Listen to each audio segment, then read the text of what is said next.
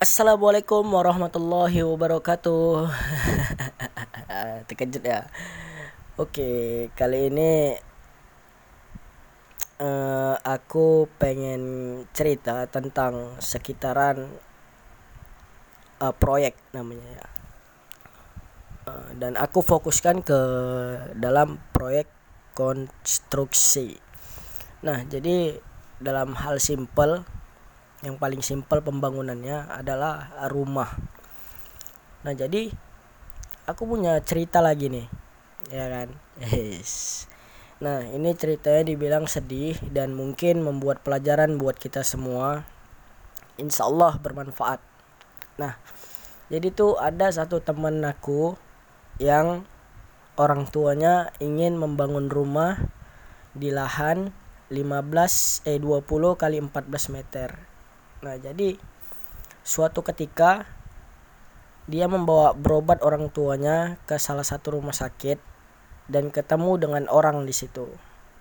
Nah, jadi ya samalah kayak kita pernah ngerasain mungkin kalau orang tua ketemu orang tua di rumah sakit sambil berbicara perkenalan atau apa aja dibicarain biar nggak bosen biar nggak bosen sambil menunggu panggilan dokter gitu kan nah jadi itu orang tua si kawan aku ini tadi uh, berbicara tentang dia tuh mau bangun rumah. Nah, jadi kawan bicaranya ini tadi, lawan bicaranya ini tadi membilangkan lah bahwasannya oh iya anak saya kontraktor gitu. Nah, satu ketika juga lagi udah gitu udah panjang pembicaraan top top top top top top oke okay lah jumpalah anaknya bapak ini tadi sama bapaknya kawan aku ini tadi Nah, lupa aku gimana ceritanya jumpa atau enggaknya itu mungkin via telepon ya kalau nggak salah. Nah, dalam proses penggambaran atau gambar proses gambar si kontraktornya ini tadi sorry batuk dalam proses gambar uh, si kontraktor ini tadi yang mengaku dirinya kontraktor ini tadi meminta panjar lah gitu kan. Panjar sekitar 2 juta rupiah. Nah setelah itu kelang uh, tiga bulan eh dua kelang dua bulan itu gak ada kabar. Katanya gambarnya itu belum siap segala macam apa alasan lah gitu. Nah setelah itu masih belum ada kabar juga. Dimintai keterangan belum ada kabar. Katanya alasan dengan dalih ada proyek di luar Sumatera gitu. Nah setelah itu lagi nggak lama kemudian pak ini gambar 3D gambar 2D nya gambar layoutnya itu belum selesai. Tapi dia udah minta panjar lagi untuk gambar uh, tiga dimensinya gitu kan. Lah ini apa nih? Udah nggak iya gitu. Tapi masih juga ditransfer gitu. Nah di sini udah salah. Masih juga ditransfer ya kan nggak lama kemudian dikirim lah ini layoutnya itu tadi. Dikirim layoutnya itu tadi tapi 3D-nya belum siap. Dia bilang uh, kontraktornya ini bilang saya butuh uang untuk panjar pemborong. Ibaratnya kita mau beli material lah gitu untuk pembangunan di tahap awal. Mulai dari pembersihan lahan penggalian pembelian material lah di pekerjaan-pekerjaan awal. Nah setelah itu sampai di akhir eh di pertengahan Ramadan. Eh, kawan aku ini udah mulai curiga kan gitu. Udah mulai curiga. Wah apa-apaan nih kan gitu. Kayak udah nggak betul nih gitu. Udah udah nggak mau udah ditransfer kan yang tadi yang dia minta panjar itu sekitar 35an juta kalau nggak salah tuh. Di situ udah mulai nggak iya tapi masih ditransfer gitu. Udah mulai nggak iya tapi masih ditransfer. Nah di sini masih dicari tahu lagi kan ini apa nih penyebabnya gitu. Nah jadi orang tua kawan aku ini tadi uh, kembali ke rumah sakit yang awal tadi nanya alamat rumah si kawan ini tadi. Si yang mengaku mengaku sebagai kontraktornya tadi. Nah waduh ke rumah sakit ketemu alamatnya didatangi. Rupanya ketemu di belakang rumah sedang sembunyi. Nah di situlah ketahuannya gitu. Nah jadi aku pengen kasih pelajaran buat kawan-kawan mungkin bisa di cross check ulang atau dicek ulang atau di uh, beri masukan saran tentang ini. Nah, jadi tahap mulai tahap desain gitu. Nah kita bicara tentang tahap desain. Ketika kita datang ke developer kita punya budget berapa nih ya kan? Kita punya budget sekitar 350-an juta tetap kita kasih ke developer. Kita udah nggak tahu ya kan? Kita udah teken kontrak sama developer. Karena apa? Karena jelas. PT-nya CP-nya jelas. Ya kan? Nah jadi kalau kita ketemu sama orang ah, orang sembarangan nggak orang sembarangan ada bilang dia pernah melakukan sebuah kegiatan proyek konstruksi gitu. Jadi kita nggak boleh percaya gitu aja gitu kan. Nah kita tanya sama dia gitu. Uh, dia itu punya arsitek nggak? Dia itu latar belakangnya orang apa orang sipil kah atau orang arsitek. Nah, kita bicara desain.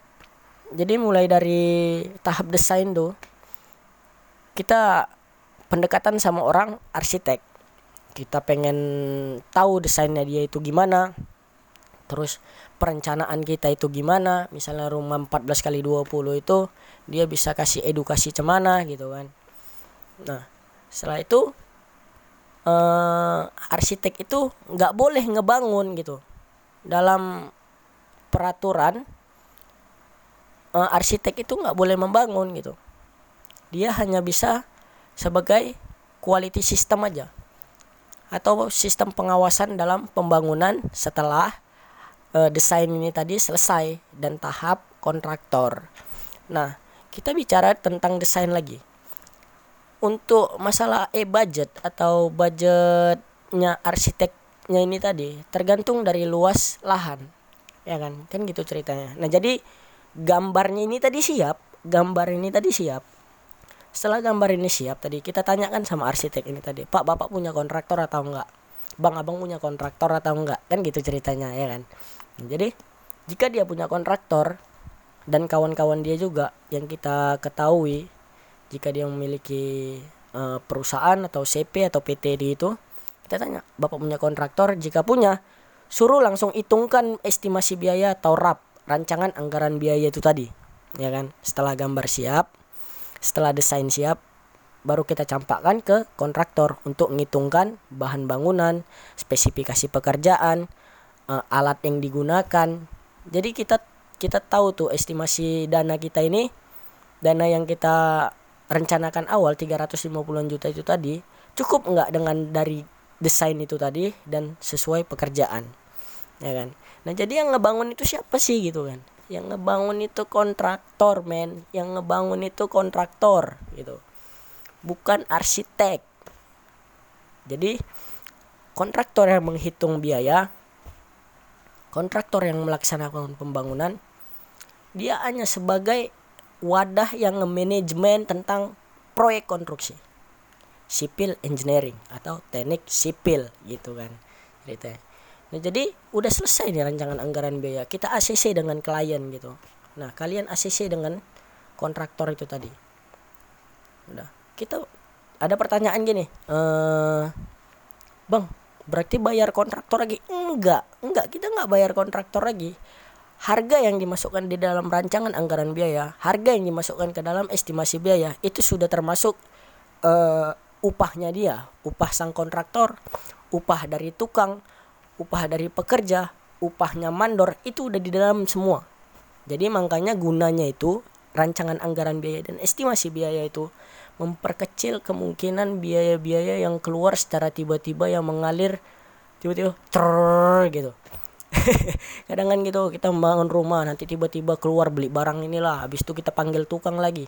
Nah ini enggak. Itulah gunanya rancangan anggaran biaya dan estimasi biaya itu tadi gitu. Nah setelah itu apa? Setelah pembay uh, setelah itu kita pembayaran ya kan?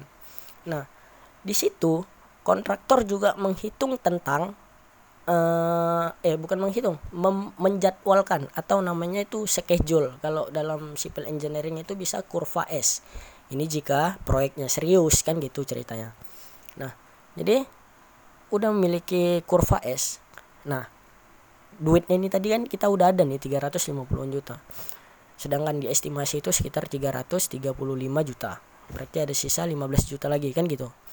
Nah jadi mulailah nih pembayaran sistem pembayaran gimana? Kan gitu nih. Nah, jadi kita jadwalkan dari pekerjaan yang awal mulai dari pembersihan lahan penggalian pondasi eh, habis itu pengecoran pondasi habis itu kita masuk ke boplang habis itu kita masuk ke pemipaan. Nah itu di schedule semua. Tak tak tak tak tak kita lihat lagi rancangan anggaran biaya itu tadi. Ya kan? Kita lihat rancangan anggaran biaya aku kasih sekitar 105 aku kasih 150 juta pekerjaannya ini siap sampai kapan dan sampai di mana pekerjaan ini siap. Jadi kita sebagai owner kita tuh masih bisa kontrol. Kita bisa kontrol uh, secara biaya kita bisa kontrol secara schedule kan gitu.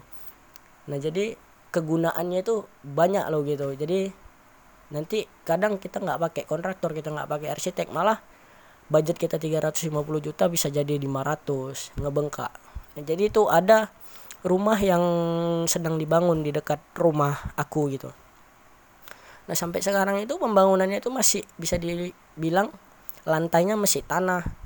Udah naik lah semua bangunan sampai lantai dua gitu. Cantik mungkin mungkin pondasinya besar gitu. Terus uh, dan sampai sekarang itu masih dalam tahap plester dan masih pekerjaan dinding lah bisa dibilang. Atap udah naik memang tapi pekerjaan dinding. Tapi ketika aku tanyakan kepada uh, owner dia itu udah habis sampai 2 miliaran rupiah gitu men. Gila coba. Rumah dua lantai kurasa itu 15 kali 15 luas rumah kan gitu. Kan nggak logis gitu. Apakah dia dipermainkan oleh kontraktor? Apakah dia dipermainkan oleh arsitek? Kita juga nggak tahu kan gitu Allah Allahu alam bisawab kan gitu nah, jadi mungkin uh, aku berbicara ini bisa memberikan masukan, memberikan pembelajaran, memberikan informasi tentang cara ngebangun-ngebangun rumah, kita tentang cara uh, namanya manage pembangunan konstruksi gitu kan. Kita kan secara laki-laki gitu bakal ngebangun rumah, oke okay lah kita nggak kita nggak mau ribet, kita banyak uangnya, kita bisa uh, kita datang ke Citraland kita bisa datang ke Wiraland kita bisa datang ke Citra uh, Land Bagia City kan gitu. Kita bisa datang ke Gria Gria Metropolitan. Secara itulah dibilang bisa dibilang developer-developer yang oke okay di kota Medan kan gitu. Tapi masalahnya uang kita ini pas-pasan dan kita ini menabungnya secara bertahap lama gitu. Hmm, gitu. Jadi bukan nggak ada untungnya kita uh, beli bahan eh beli rumah dari developer. Ada baiknya gitu. Cuman secara nggak langsung kita nggak bisa kontrol nih. Kita nggak bisa kontrol secara bahan bangunannya kualitasnya seperti apa kita nggak bisa. Gitu. Kalau kita pakai arsitek sendiri kita pakai panggil uh, uh, kontraktor sendiri kita paham tentang bahan bangunan sendiri. Jadi untuk ngebangun rumah ke depannya lagi entah untuk anak-anak atau untuk orang tua kan gitu. Kita nggak bingung lagi tentang itu gitu. Kita tinggal, panggil arsitek dan kontraktor yang kemarin kita pakai kalau pekerjaannya bagus. Nah maka dari itu semoga memberikan pelajaran buat kita semua. Allahu alam bisawab Wassalamualaikum warahmatullahi wabarakatuh